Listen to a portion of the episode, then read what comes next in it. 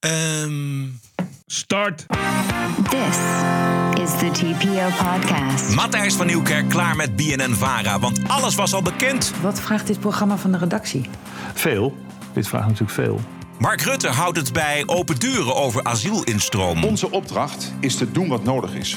En ergernis bij de VVD'ers is daarmee niet verdwenen. Mijn grote zorg is alleen dat het moment dat je daar concrete afspraken over had kunnen maken, voorbij is. Aflevering 406. Ranting and Reason. Bert Bresson, Roderick Phalo. This is the award-winning TPO podcast. Goedenavond Bert. Good evening, everybody. Welkom bij De Wereld Draait Door.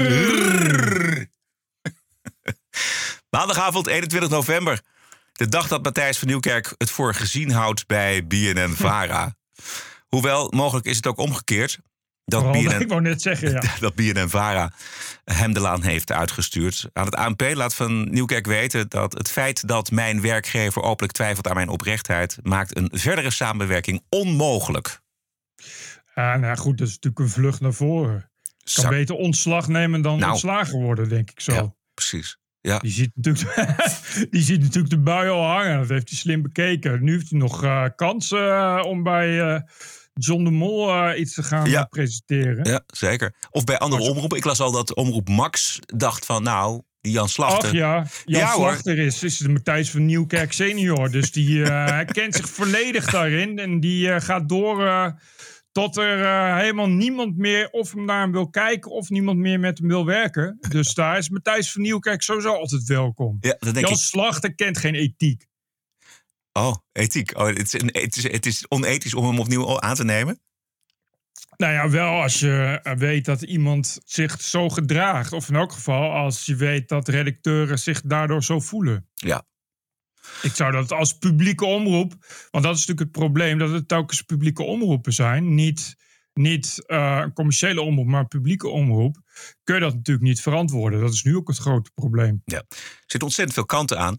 Eh, daar gaan we het ook over hebben. Want eh, het laatste woord is daar nog lang niet over gezegd. Tien pagina's dik was het verslag op zaterdag van de Volkskrant.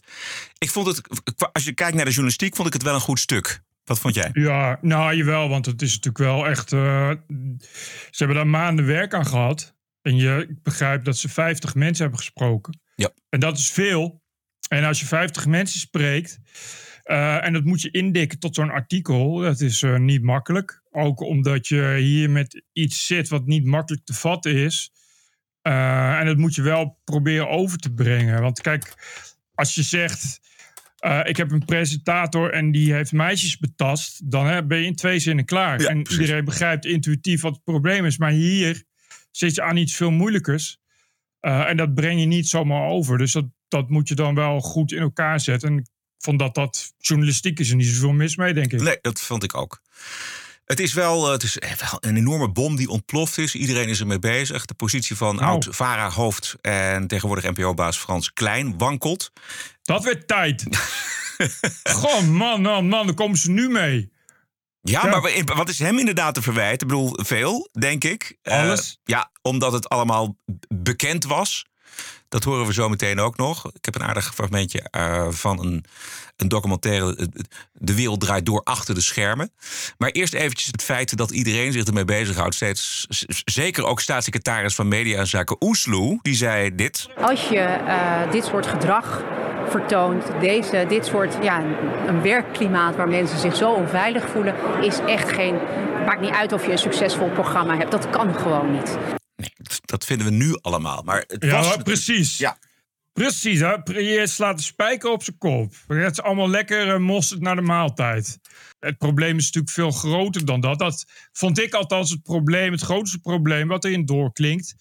eh, is dat alles, maar dus letterlijk alles, hè, dus, dus echt over letterlijk de ruggen van redacteuren, eh, opzij werd gezet om toch maar de beste te zijn. En daar stond er ook letterlijk in een bijzinnetje dat dat programma heel veel eh, reclamegeld binnenharkte. Ja. Leuk, maar het is dus een publieke omroep. Ja. En je kunt je afvragen of dat niet allemaal bijzonder onkies is om als publieke omroep alles op alles te zetten om toch maar succes te hebben en reclamegelden binnen te halen. Dat is iets wat je als commerciële omroep doet. reclamegelden binnenhalen. En dan begrijp je dat. Maar ik zou uh, met de kennis van nu, als ik John de Mol was, alsnog een uh, proces aanspannen tegen oneerlijke staatsconcurrentie, eerlijk gezegd. Dat blijkt ook uit het verhaal. Het is heel duidelijk dat uh, Frans Klein, de, de VARA, maar ik denk ook de publieke omroep als geheel, dit programma 15 jaar heeft gekoesterd vanwege het aanzien. Het, het, het was iedere dag was het anderhalf miljoen kijkers. En daarmee versloeg de publieke omroep de commerciële omroep. Dat was, heeft allemaal meegeteld. En er was natuurlijk best wel veel over bekend. Want dat lees je dan ook in die stukken van de Volkskrant. Dat er, dat er toch wel regelmatig op het bord van niet alleen van de eindredacteuren, maar ook van de Bobo's in Hilversum. werd gezegd van jongens, dat gaat daar soms echt veel en veel te hard aan toe. Ja. Ik kwam vanmiddag een uh, programma tegen, Achter de Schermen bij de Wereld Draait Door heette dat. Klein stukje met vooral uh, toenmalig hoofdredacteur Dielke Winia. Dit programma kan je alleen maar doen met veel kracht. Ik hoor wel eens het woord hard voorbij komen. Ik, ik snap wel wat er bedoeld wordt. Maar het woord hard is niet goed. Ik ben streng. En wat is het verschil? Uh, hard, daar zit geen gevoel in en geen doel. Ik ben heel erg doelgericht. Maar wat is dan de wereld is in shock door de aanslag op de reactie? Dat is een PR'tje voor die ene instart. Of wil je dat uit je hoofd doen? Dat die instart. We hebben één instart. In de opening hebben we... Ja, maar als ik, die aankom, als ik deze uitzending staat in het teken van de gebeurtenissen vanmiddag in Parijs... dan vertelt die instart toch het hele verhaal, of niet? Mag ik hopen? Nou, laten we de instart even zien. Ik Zullen we dat nu even nog gaan kijken? Dan kunnen we ook gewoon met de cold open beginnen namelijk. Wat vraagt dit programma van de redactie? Veel. Dit vraagt natuurlijk veel. Je bent zo goed als je laatste uitzending, wordt hier ook wel eens gezegd. Dan kan je wel drie briljante onderwerpen hebben bedacht en uh, als redacteur hebben samengesteld. Maar als je laatste onderwerp shit is, ja, dan heb je ook een probleem. Ik zie mensen dan al hop, even schrikken, maar ja, jammer dan. Hup.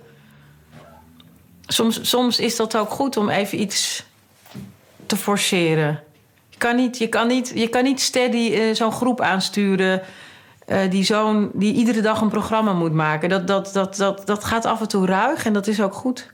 Maar waar, hoe hebben wij erop gereageerd? Zeiden we dat vinden we een heel leuk idee? Of daar denken we even over na? Wat wij er zelf van vinden? Ja, we hebben dat besproken. Ja. Met wie? Nou ja, dat is... Uh... Ja, mag ik vragen met wie? Ja, nee, ik heb, geen, ik heb hem niet gesproken. Uh, was even de vraag of ik we hebben dit besproken, zegt Pauline. Hij reageert verder, ja. dus ik heb hem niet gebeld. Nee, nee. Dus dat moeten we eigenlijk nu zelf hier... Nee, als, we denken dit, als we denken dit willen we, moeten we dat Weet ik niet. Ik wil alleen even weten dat we zeker weten dat we dat... We dat uh, ja. wij, wij faciliteren dit. In dit laatste stukje van het fragment uh, zie je dus Matthijs van Nieuwkerken aan tafel zitten en dan de repetitie doen. En dit geeft denk ik mooi aan dat je extreem afhankelijk bent van een redactie. Hij is het, het putje waar alles in terecht komt en hij moet het programma doen. En ik kan me zo goed voorstellen hoe ongelooflijk heftig dat is als je dat vijf dagen in de week moet doen. Vijftien jaar lang. Als je dus iedere dag weer die anderhalf miljoen kijkers moet halen. Ja, maar er is ook niks mis met af en toe kwaad worden of heel streng zijn of heel hard. Zoals, zoals dat net zei. En uh, dat was ook, maar wel rechtvaardig. En dat is het probleem niet. Het probleem gaat natuurlijk om dat hij, die Matthijs, nog los van de druk die hij heeft om te presteren, nog los van uh, de, de, de woede die je kan hebben, inderdaad, op, op het laatste moment als iets fout gaat. Daar, dat, daar doe je eigenlijk ook niet zoveel aan. Dat is, mensen zijn mensen en die staan, als ze onder druk staan, ja, is het soms moeilijk. En dat is denk ik ook niet het probleem. Het probleem is dat hij uh, daar zo extreem woedend van werd. Dus zulke extreme woedeaanvallen kreeg. En, nou ja, in dat krantenartikel staat natuurlijk ook het voorbeeld van hoe hij een geluidsman uh, publiekelijk vernederde. Ja. Ja, je moet dan zelf het artikel maar lezen. Maar daar staan al die ervaringen ja. netjes opgesomd van mensen die zeiden: ja, je wist gewoon nooit wat je aan hem had. En dan zit je op de redactie. En dan, als hij dan aankwam om twee uur, dan hoopt u maar dat hij deze keer wel wel goed gehumeurd was. En zo. Dus er is een verschil tussen. Tussen op dat scherm van de snede presteren. Eh, in die druk onder echte high pressure. Dus ja, als een sterrenkok. Ja. Neem, Gordon, neem Gordon Ramsay. Gordon Ramsay, ja, precies. En of uh, uh, ook niet, uh, of die ook die angstcultuur hebben. En dat is wat anders. Want, daar zit het, daar, dat is waar, waar het hele artikel om draait. De, de mensen die er werken weten ook allemaal wel. Ja, die unieke talenten, ja, dat zijn geen, geen jongens die, die, die altijd lief en aardig zijn. En er wordt in dit vlak eh, op televisie is zo'n beetje, ja, net als een sterrenkeuken, hoger kun je niet komen qua druk. Dus iedereen die daar werkt moet daar ook tegen kunnen en kan daar ook wel tegen. Maar dat is wat anders dan dat je ook echt een angstcultuur hebt. En ik vond, ik vond eh eh, Ewart van der Horst werd genoemd. En Ja. dat vond ik een goed voorbeeld. Want die heb ik ook wel eens meegemaakt. En dat is iemand die ook onder druk eh, kan die ook gaan schreeuwen en woedend worden. Maar dat is wel iemand, dat zei hij zelf ook. Ja, ik, ik ben niet intimiderend. En dat klopt, omdat je bij Ewart van der Horst, die zei dan twee minuten later sorry. Want ja, goed, maar dan, dat is dan wederzijds, omdat je weet, we staan onder hoge druk. Maar dan na de show kwam hij naar je toe, vertelde hij je hoe onmisbaar je verder bent. En, na, en na, aan het einde van de show, aan het einde van het seizoen, was duidelijk, dan liet hij ook duidelijk merken dat het hele team verantwoordelijk is voor het succes. En niet één man. Waar ik al eh, een paar dagen mee zit, is het volgende. Dus enerzijds heb ik begrip voor het, het unieke talent die zich onder deze druk dit programma eh, presenteert. En misschien met angsten kampt en fobieën. Nou, dat schijnt allemaal wel het, Ja. het geval te zijn. Dus dan ben je extra gevoelig voor die, voor die, voor die televisie.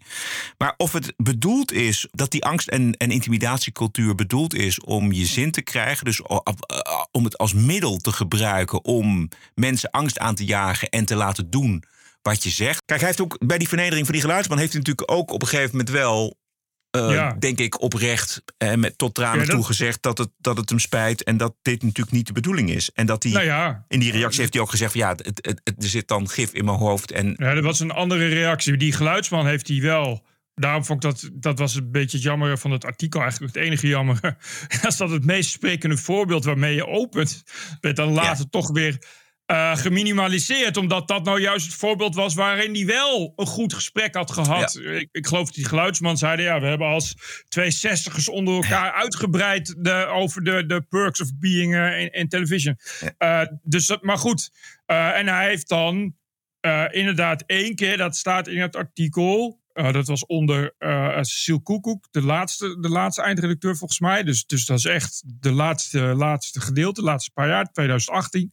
Een keer oh, tegen de hele redactie gezegd na een woedeaanval. Ja, ik heb gif in mijn hoofd en ik moet in therapie.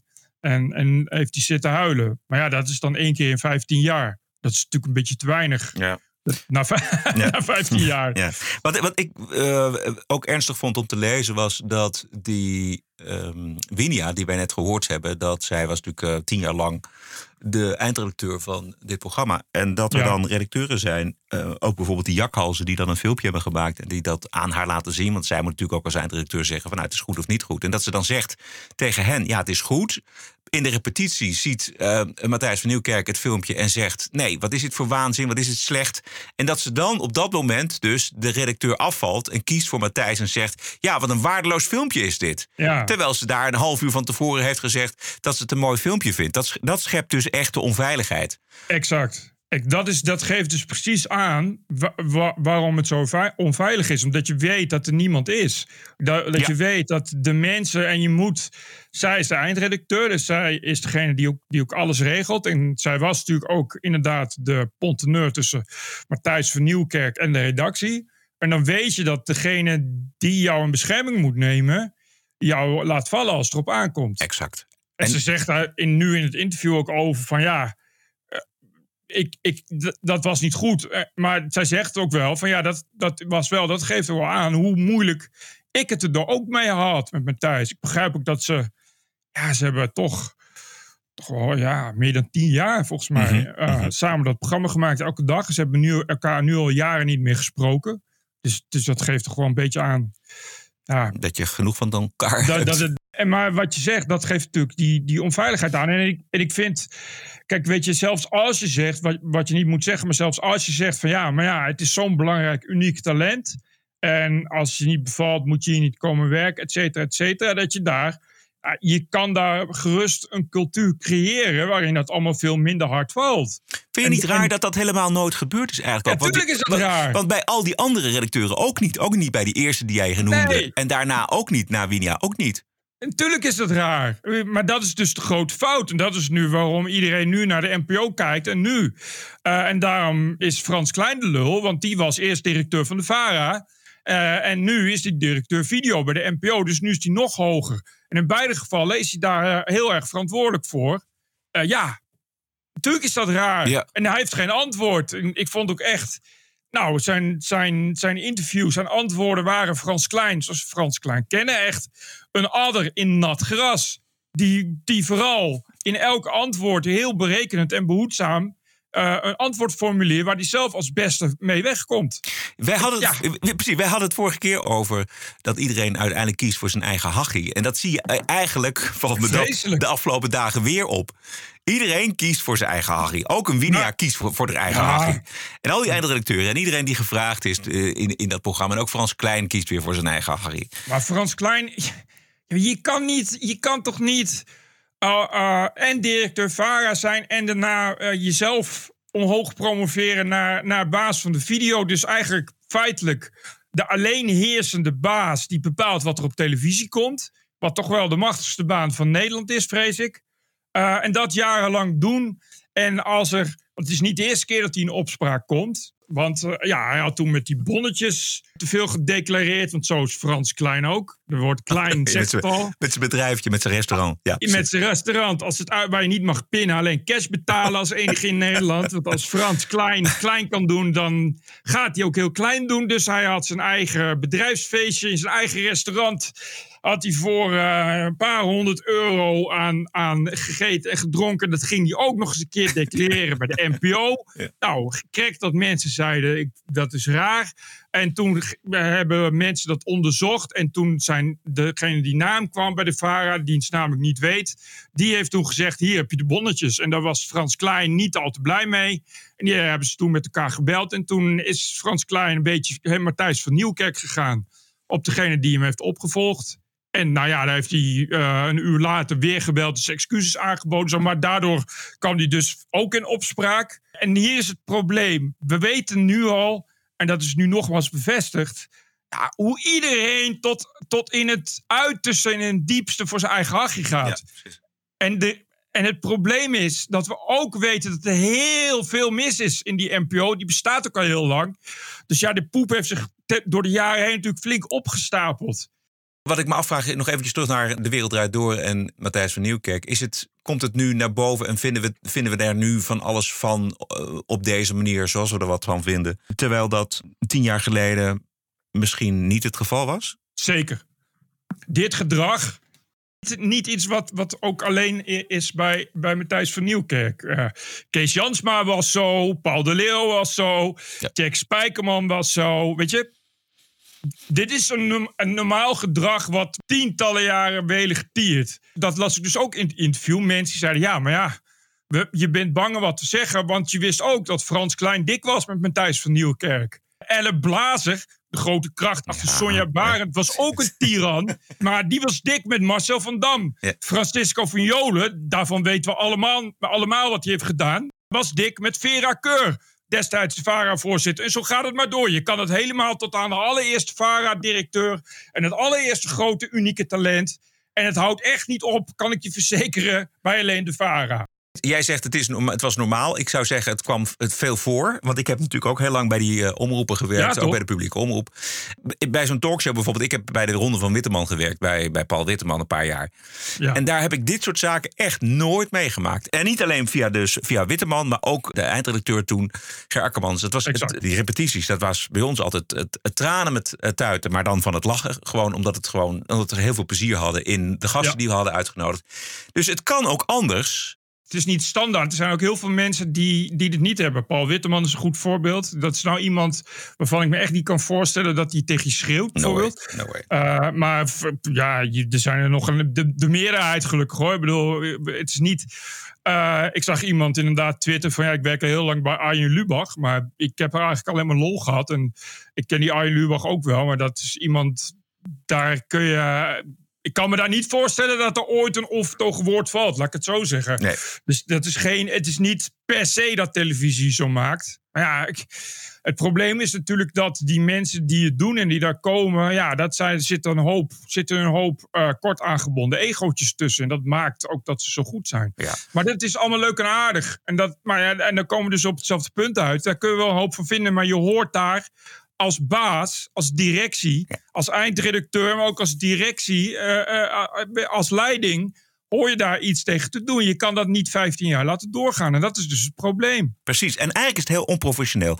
Want je ziet dus Exact. dat eindredacteuren, maar ook een Frans Klein, ook de hogere bazen, die moeten weten wat een druk het is voor een presentator om eh 15 jaar lang dag in dag uit dit programma te doen. En als je weet, als je signalen krijgt van ja, maar eh, Matthijs heeft het er moeilijk mee, want hij is bang en hij is enorm een control freak en hij reageert dat af op zijn medewerkers. En dat is slecht voor het programma, slecht voor iedereen. Dan moet je daar dus eigenlijk ja, begeleiding in aanbieden. Ik vind het wel een probleem om te zeggen wie er eigenlijk de baas is. Is dat de VARA-directie? Is dat de NPO-directie? Maar iedereen die betrokken is bij de top eh, wist dit. En, en dit is heel berekenend. Heel simpel is het altijd allemaal over het hoofd gezien. Omdat er moest worden gescoord. Juist. En, en dat is het grote probleem. Want wat, waarom moet er worden gescoord bij een publieke omroep? Exact. En waarom, hoezo eh, eh, moest 15 jaar lang alles opzij voor de wereld draait door? Je kan een hoop zeggen van de wereld draait door, maar niet dat het verdiepend is. Ik bedoel, weet je, eh, het had net zo goed bij de commerciële kunnen worden uitgezonden. Dus hoezo? En als dat allemaal prima gaat, als daar geen slachtoffers bij vallen, leuk. Maar ja, al die lui hebben dat al die tijd heel erg geweten. Daar, je kan ook genoeg bronnen vinden. En misschien dat de, de Volkskrant wel met een follow-up komt. Of weet ik veel wat. Ik heb zelf ook al van meerdere bronnen gehoord. Die zeggen, nou, ik heb in die tijd meerdere malen Frans Klein gezien. Dat hij inderdaad behoorlijk in zijn maag zat. Omdat hij weer eh, iets had gehoord over Matthijs van Nieuwkerk. Dus dat is niet iets... eh, Ik bedoel, die verhalen leven ook al heel lang. Dat weet iedereen. Maar dat is consequent gezegd alles voor de kijkcijfers. Ja, precies. Ik wil zijn vernederingen niet goed praten, maar ik wil toch nog eventjes. Nou, niet een lans breken voor Matthijs van Nieuwkerk. Eh, dat, hoeft niet, dat hoeft helemaal niet. Maar hij is ook zo geworden in die pressure cooker van de televisie. Want ik heb, ik heb Matthijs een paar keer ontmoet. De eerste keer was volgens mij in de Sociëteit de Kring in Amsterdam. Ja. Toen was hij net hoofdredacteur van het Parool geworden. En toen Oh ja, eh, spraken we over de, de, de minder elitaire kant die hij met het Parool op wilde. Ik vond dat fantastisch. En ik Ja. denk dat dat eind jaren 90 was. Want in 1997 werd eh, Van Nieuwkerk hoofdredacteur van het Parool.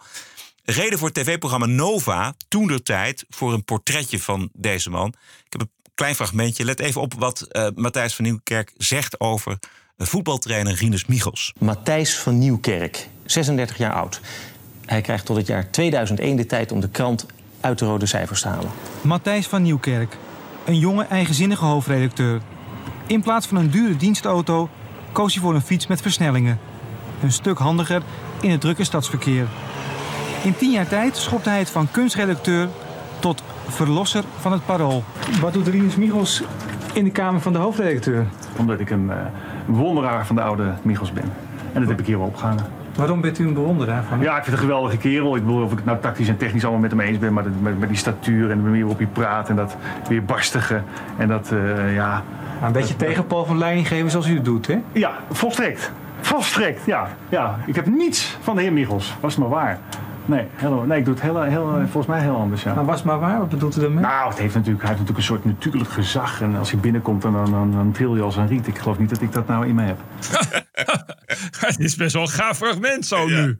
Met eh, de kennis van nu. Ja. Ja. hij is wel veranderd. Hij was ook, ik weet dat hij heel lang eh, goed bevriend was met Theodor Holman. Ze gingen ook echt samen op vakantie. Echt tot dat niveau bevriend. En eh, dat hield ineens op. Tot groot verdriet van Holman, begrijp ik. Het is nooit, nooit begrepen waarom niet. Maar eh, daar, zijn inderdaad meer verhalen over. Dat, het toch, eh, dat hij daar wel heel erg in is veranderd. En, en, ja, en dat is de combinatie met hoe hij is. Dus inderdaad, in combinatie met die pressure cooker.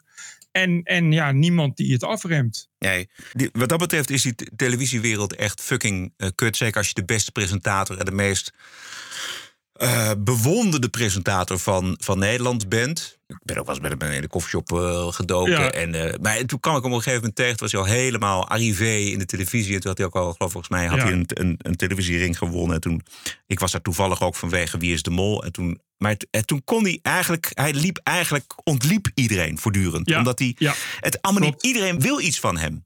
En dat kon hij niet meer. Dat is misschien ook een beetje een verklaring voor, voor Derde Holman. Dat als iemand zo beroemd en zo veel besproken wordt, dan, ja, dan, dan, dan trek je je terug. Nou, een beetje Weet je, krijg je een soort Bert Brussen-achtige neigingen om je helemaal weg te, Nou ja, ja, dat, af te dat, zonderen. ik- dat deed hij ook. Hè. Inderdaad, het, het, werd, het werd steeds erger en daarmee werd zijn fobie ook erger. Hij werd natuurlijk, dat, dat zie je ook in, in het artikel dat hij eh, op een gegeven moment ook de feun van de visagist wantrouwt en zo, weet je wel. En, en, dat is, en, en het is inderdaad, hij, ik weet dat hij op een gegeven moment uiteindelijk toch e- echt inderdaad heel verkrampt. Hij kwam binnen, deed zijn werk en hij ging weer weg in zijn auto met chauffeur. En hij, deed, hij heeft nooit meer een interview gedaan, helemaal niks. Hij durfde eigenlijk geen...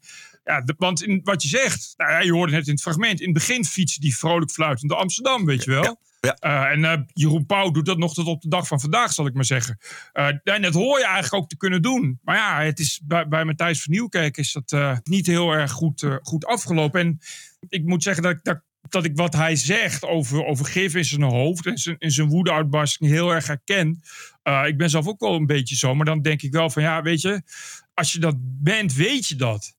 En, je, en waarom ontken je dat dan? En waarom eh, is het dan zo moeilijk om te zeggen dat het je spijt of die mensen de volgende dag je excuses aan te bieden? En dat vind ik het ergste van alles. Dat je, dat je, ja, je kan niet, als je dat gebeurt, gebeurt dat je. Het is moeilijk uit te leggen. En Hij zegt, soms wordt het zwart voor mijn ogen. Dat herken ik heel goed.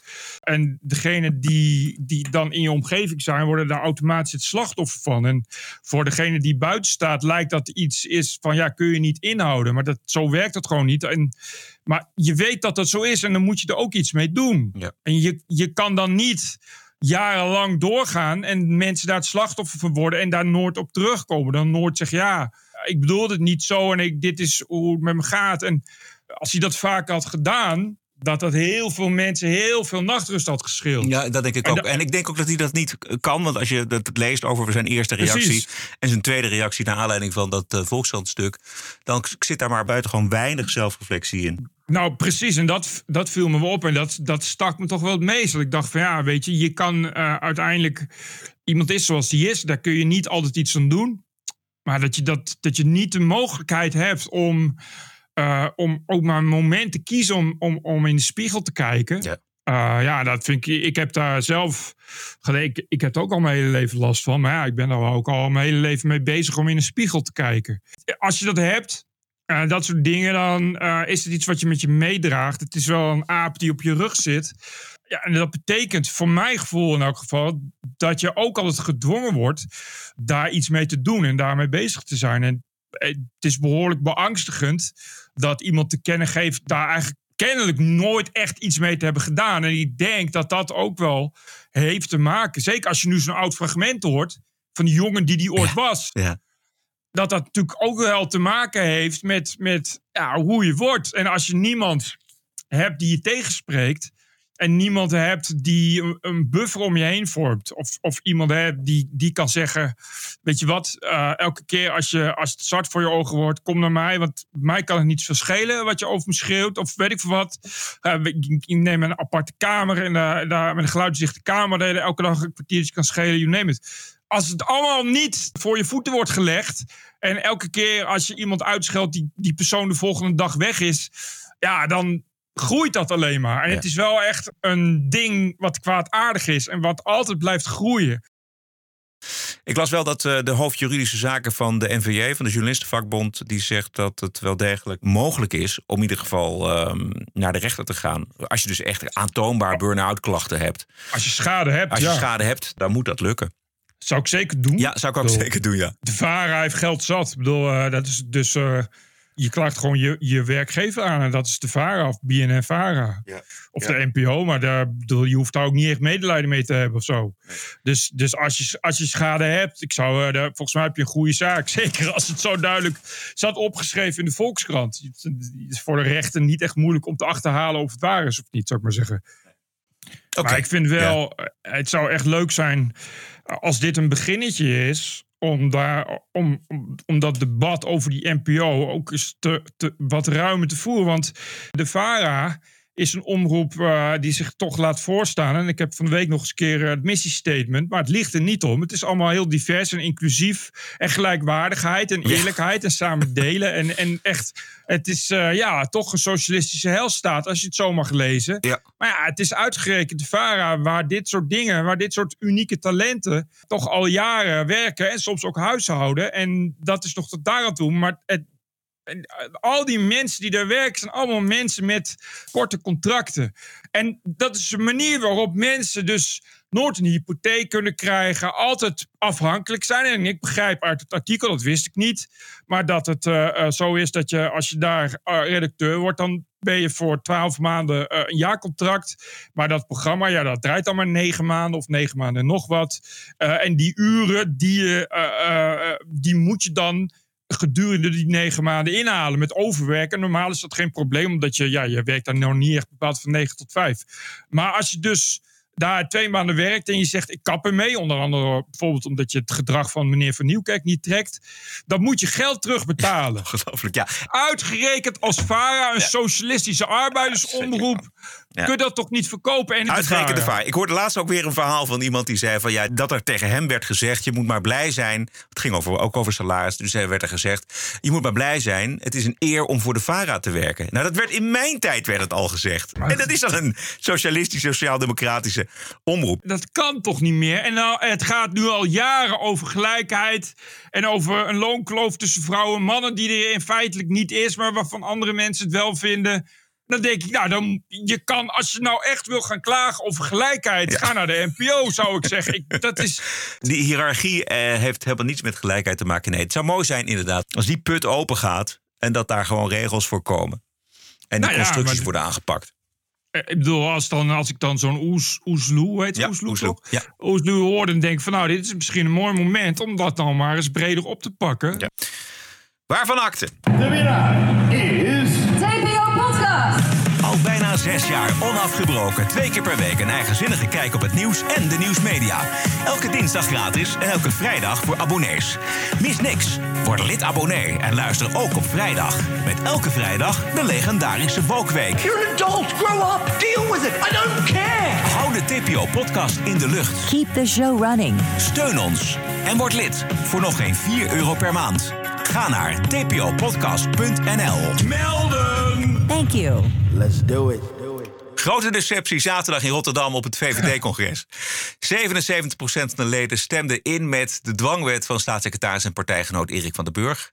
Ik had het allemaal eh, wat spannender ingeschat. eh, maar misschien is dat eh, wensdenken geweest van mij. Gelukkig is Bert een stuk Naïef. cynischer. Ja, naïef, precies. ja. We waren naïef. Nou ja, nee, ik, ik dacht vooral. wel. eh, ik dacht inderdaad van, eh, goh, het is een hele verrassing. Maar goed, dat, kijk, het punt is natuurlijk ook dat dat te maken heeft met, met de ledencultuur. De mensen die voor willen stemmen gaan vooral naar zo'n naar zo'n dingen. Dus dat is het nadeel. Je hebt een heleboel leden, maar die gaan echt niet allemaal naar je congres komen. En degene die er wel komen, zijn de mensen die ja, graag mee willen doen in de applausmachine. Dus dat zijn ook de mensen die voor jouw motie gaan stemmen. Ja, eh, we hebben het in juni was er ook zo'n VVD-congres en toen ging het heel erg over de stikstofmaatregelen van het kabinet. Toen heeft toch een meerderheid van 51% weliswaar, maar toch een meerderheid van die leden daartegen gestemd. Heeft verder niks True. uitgemaakt. Ik denk dat het ook een beetje te maken heeft gehad met eh, dat Rutte de dag aftrapte. Eh dat deed hij weer, ja, zeg maar goed, heel goed uit zijn hoofd. Om te laten Ja. zien dat hij wel degelijk kan luisteren en beschikt over zelfreflectie, kwam hij toch nog even terug op dat vorige congres in juni. Toen hij nogal chagrijnig vast moest stellen dat dus een meerderheid van de leden tegen dat stikstofbeleid van het kabinet was. En als ik zeg debat, dan wil ik wel tegen jullie zeggen dat ik na dat vorige congres ook wel even een moment van reflectie had. Want natuurlijk is het leuk om te zeggen er moet debat zijn, totdat het ook een keer gebeurt. En dat was niet mijn sterkste moment. Daar heb ik ook wel over nagedacht. Want ik denk dat het wel heel goed is geweest wat er gebeurde in juni. Dat we ook laten zien dat uiteindelijk deze partij niet beheerst wordt door een paar mensen. Maar dat we met z'n allen hier gewoon allemaal one man, one vote, één stem, na discussie de besluiten nemen. En eh, nou, dat wat, wat, wat zwakke moment, de eerste dagen daarna, toen ik thuis enorm zat te pruttelen. Ik heb het al zo moeilijk in die Tweede Kamer 20 partijen. Nou begint die eigen partij ook nog moeilijk te doen. Wat denken ze wel? Dat was niet zo sterk. Ik ben er eigenlijk heel erg blij om. Het was een heel goed congres. Daar ben ik eigenlijk heel erg trots op. Ja, het is toch handig. Misschien dat, eh, misschien dat eh, Matthijs van Nieuwkerk stage kan lopen bij Rutte. Ah, precies, ja. Nou goed, eh, toen ging het uiteindelijk toch over het hete hangijzer, de dwangwet en het dweilen met de kraan open. Dat brengt mij bij het onderwerp wat ook hierna aan de orde is, migratie. Want ik was, dat heeft u gezien bij de fractie, dat ging over die spreidingswet. Maar eigenlijk ging die fractie helemaal niet over die spreidingswet. Die fractie ging over de zeer hoge asielinstroom. Die is inmiddels twee tot drie keer hoger dan normaal. En ik denk dat wij ons in de afgelopen jaren in slaap hebben laten sukkelen. Dus we hebben daar, en dat is een fout van ons, gewoon te weinig aandacht voor gehad. Maar inmiddels zitten we met een migratiestroom die nogmaals twee tot drie keer hoger is dan normaal. Ja. Die moet substantieel naar beneden. Dat vindt niet alleen de fractie, dat vind ik ook. Dat beschouw ik ook als een opdracht. Daar zullen we als partij aan moeten werken... dat die migratiestroom substantieel wordt teruggebracht. Dit is een belofte. Hoe kan het zijn dat Nederland een veel hoger toekenningspercentage heeft... van asielzoekers dan omliggende landen? Zeg dat. Zelfs landen zoals Duitsland en België en Frankrijk... die echt niet ineens vreselijk hard zijn of asociaal. Waarom liggen wij aan de verkeerde kant van het waterbed? We moeten dat met elkaar heel precies uh, analyseren. En we zullen ook moeten kijken hoe we ervoor zorgen dat asielzoekers die hier zijn... en terug moeten naar hun eigen land, omdat ze geen kans maken op asiel... dat ze ook teruggaan. Nogmaals, die asielstroom die moet substantieel terug. Hoe? Anders kunnen we zo niet verder in ons Ja. Dat geeft nogmaals Hoe? ook een groot probleem voor het draagvlak. En ja, je mag alles van mij analyseren, de volle breedte. Dat zal ook moeten. Ah. We zullen ook moeten kijken naar studentenmigratie, naar arbeidsmigratie. Hou je hebt op, ook nog de liefdesmigratie. Nou, daar zullen we maar even niet aankomen. Jezus, man, liefdesmigratie. Maar hoe op, gaan we dit doen, Mark? Precies, Mark, ja. hoe gaan we dat doen? Nou, Mark, hij- hallo Mark. Hij had daar hier wel een antwoord op, namelijk dit antwoord. Want de opdracht voor ons als politici is eigenlijk helemaal niet zo ingewikkeld. Onze opdracht is te doen wat nodig is. Om ervoor te zorgen dat dit land vrij, veilig en welvarend blijft. Nee, dit is verschrikkelijk. Wat raar, je zou toch denken dat dan al die VVD-leden ook denken... ja, hoe dan, Mark? En dat hij zich niet met dit soort gratuite gebabbel... met een kluitje in het riet laat sturen, maar kennelijk wel. Wat bezielt die mensen in godsnaam? Nou. Ik vind, eh, hij, eh, eh, dit is wat Mark Rutte hier doet, heel goed verhaal. Maar dat is een verhaal wat we al 15 jaar kennen. Ja. En dan wil je toch horen voordat je akkoord gaat. Want dit is dus een belofte die hij doet. Eh, eh, zodat ze akkoord gaan met die, met die dwangwet. Dan wil je toch horen hoe, hoe gaat het dan gebeuren? Want de afgelopen 15 jaar heb je het ook allemaal gezegd. En toen kon het ook niet. Dus hoe gaat het nu wel? Ik snap gewoon niet dat die mensen dit zo allemaal maar pikken dan. Niet allemaal, want ondanks dat die 77% instemmen met de dwangwet, waren er toch nog genoeg sprekers die op, onder woorden konden brengen wat er allemaal niet deugt aan dat VVD-beleid op asiel. Ja, goedemorgen. Jordi Drieman, fractievoorzitter van de VVD in Kranendonk. Wij hebben in Kranendonk het tweede grootste asielzoekerscentrum eh, van Nederland na Ter Apel.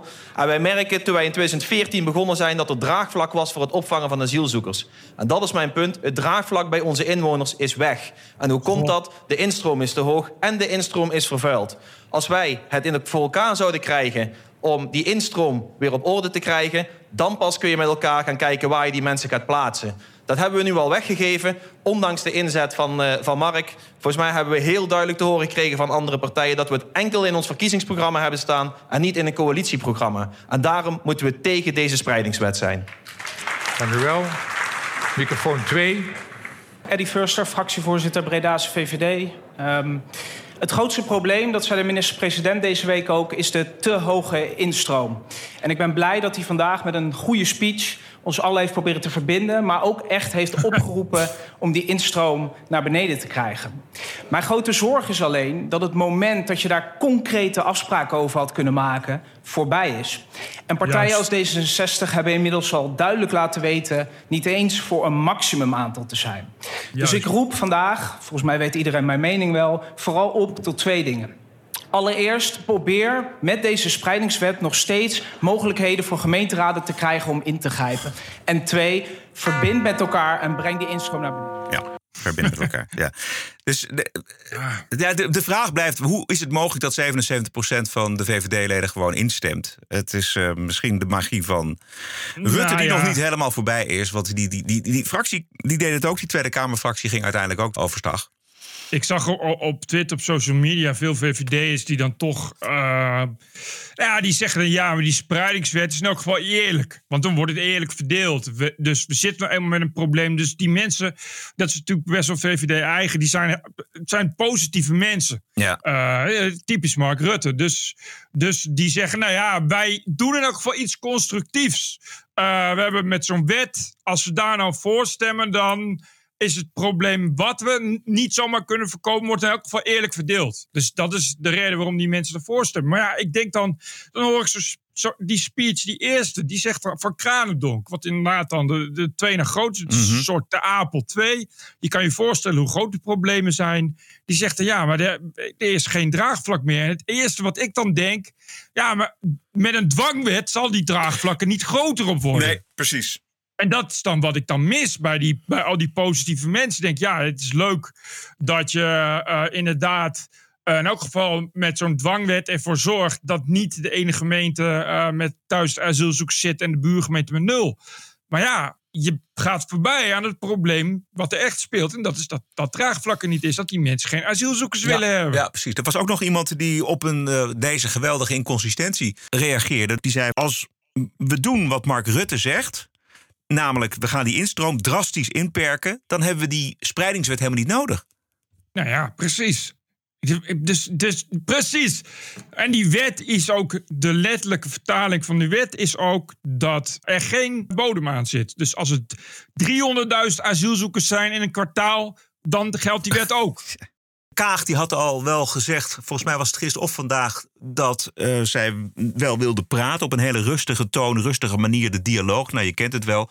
Dus dat wordt gewoon eh, maanden, zo niet jaren weer doorbabbelen over iets. En dan kan Mark Rutte eh, bij hoog en bij laag beweren dat hij er alles aan gedaan heeft. Maar er gaat niks gebeuren op dit vlak. Werkelijk helemaal niks. Nee, ik snap ook niet dat mensen daar, dat zoveel VVD's dat nog, Ja. dat nog trekken, überhaupt trekken. Dat ze daar niet al op zo'n congres eh, zichzelf in coma gapen en denken: "Wel, dit verhaal heb ik nou al, al, al een miljoen keer gehoord. Ja. Zou leuk zijn als dat in de praktijk ook wat van te zien is. Ja. Eh, Vergeet, ik denk dat de onrust binnen die partij nog niet voorbij is. Er, waren er maar, wat waren er, 1200 man waren naar Rotterdam gekomen. Dit, bedoel, de- Ja, dit de- bedoel ik. Er zijn meer leden van, van de VVD. En 77% mag dan saamhorig klinken. Dat, de- in dit land verliest de partij aanhang. Ik bedoel, kijk maar naar Nee, eh, de tuurlijk. peilingen. Ik bedoel, dat, dat, dat, dat is duidelijk met tientallen procenten tegelijk. En de VVD-gemeenteraadsleden die kunnen het ook niet meer uitleggen aan mensen. Ja, goedemorgen. Mijn naam is eh, Teun Heldens, fractievoorzitter van de VVD in Pelemaas. Al twaalf jaar hebben wij de mond vol van strenger immigratiebeleid. Al twaalf jaar zijn we de grootste partij van Nederland, leveren wij de premier. Maar we leveren niks op dit dossier. Dit hebben we jarenlang verwaarloosd en we hebben het niet voor elkaar gekregen om die instroom onder controle te krijgen. Gemeenten mogen het oplossen en geven nu aan het niet meer te kunnen of te willen. Dit is niet waar de VVD voor staat. Niet wat wij beloofd hebben aan de kiezer. En wij als volksvertegenwoordigers in de gemeente worden daarop aangesproken. We hebben daar last van. En wat moet ik nu zeggen? Mark heeft beloofd dat hij zich ervoor in gaat zetten, maar de fractie tekent wel vast bij het kruisje. Eerst zien, dan geloven. Ik stem tegen die dwangwet en ik roep ook de Tweede Kamerfractie op om dat zo te doen. Dank u wel, Teun. Ja, toch ook applaus. Microfoon 4. Eh, Maurice de Hond, ik had het niet gepubliceerd, maar die had wel een peiling. Vergelijk met de laatste keer op eind november, vlak voor de provinciale statenverkiezingen en de uitslag eh, in de Eerste Kamer. Ja, en dat was eh, de vorige keer eh, was de peilingen lopen, houden gelijke tred met wat je verwacht in de provinciale staten, dus de Eerste Kamer. Dus eh, de kans is, is, is 99% dat eh, in maart we een Eerste Kamer krijgen. Waar heel veel jaar 21 en hoe heet die partij van de BBB, boeren? BBB. BBB en PVV en dergelijke zitten. Ja. En heel weinig kabinet. Heel weinig D66, nul CDA en één eh, zetel ChristenUnie. En dan gaat die maar wet niet door. dan krijg je die wetten dus niet door. Nee. Het is een beetje Amerika wat Ja, dat ja, betreft. precies, ja. Wel, de, wel de Senaat halen, maar in het huis uiteindelijk toch weer niks kunnen, weet je wel. Maar dat is dus zijn eigen schuld van Rutte. Want Rutte heeft dus gezegd: we hebben te veel ruimte gelaten op rechts. En hij heeft dus de strenge immigratie die in het verkiezingsprogramma van de VVD staat, niet onderhandeld in de coalitie bij de vorming van dit kabinet. Dus het is knetter eigen schuld. Dikke bult. En wat dat betreft, die laatste VVD-leden op dat congres hebben dat mooi verwoord, vond ik. Namelijk, we hebben zitten slapen. Wij brengen er niks van terecht. Wij, de VVD.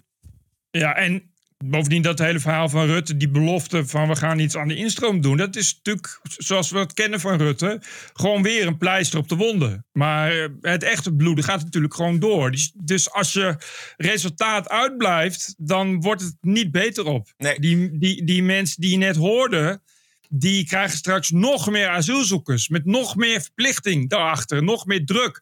Want kennelijk is het zo dat als je mensen verplicht iets wat niet oplosbaar is, dat het zichzelf oplost of zoiets. Uh, maar die mensen die worden niet pro-VVD ervan. Nee. Weet je, de, de, je gaat die problemen vanzelf, komt het weer als een boemerang terug. En als je zegt, we gaan heel zorgvuldig bestuderen waar het vandaan komt. Hoe komt het dat wij in Nederland nou zoveel asielzoekers in het uh, systeem krijgen en in Duitsland, Frankrijk en, en Denemarken niet? Als je daar nog moet aan beginnen aan die vraag. Op zich. En als, en, en als je een coalitiepartner hebt, Kaag, Kaag, die zegt van nou we gaan eens eventjes heel rustig in dialoog met elkaar en dan gaan we het erover hebben.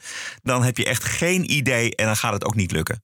Alsof we niet al 15 jaar aan het bestuderen zijn. Ja. Dus, dat, dat hoor je dus al 15 jaar. Ja, we gaan echt uh, toch eens kijken waar het aan ligt. Ja. Maar steek je licht op in, uh, in Denemarken en in Zweden, zou ik zeggen. Ja. Ook in Rotterdam, even verderop, was een congres van D66. Dat was allemaal natuurlijk totaal oninteressant. Uh, toch, een, ja. toch een leuke vraag van Nieuwsuur over dat D66-congres aan de man van de dag. Namelijk VVD-staatssecretaris Erik van der Burg daarover. Ik heb net in de rij gestaan voor de machtigingen. En dan zie je dat er mensen zijn die het wel met me eens zijn. En mensen die het niet met me eens zijn. Maar het gaat allemaal wel in goede sfeer en dat is belangrijk. Maar bent u dan ja. eigenlijk wel op het goede congres? Want hier verderop is het D66-congres. En daar trekt niemand eigenlijk die asielwet in twijfel.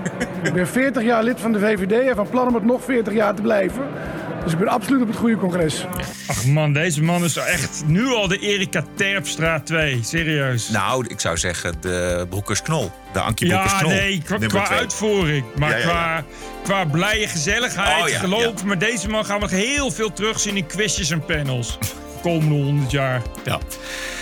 Goed. Ja, dit was het eigenlijk, Bert.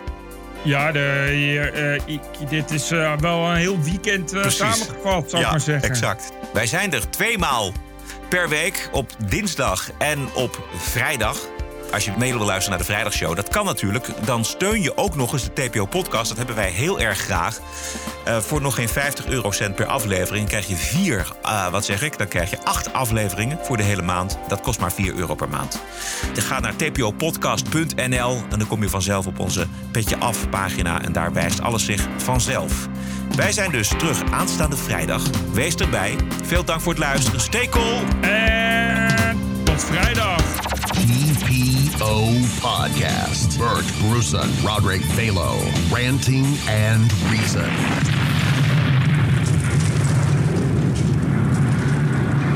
Op. Het was een talk, gevarieerde talkshow over deze en gene zaken, dat was het.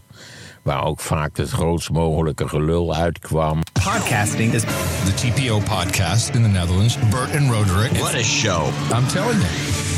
In de TPO-podcast op vrijdag, de Wokweek. Ook in de wiskunde valt nog genoeg te decoloniseren. Het absurdisme. You're an adult, grow up, deal with it. De terreur. Everything woke turns to shit.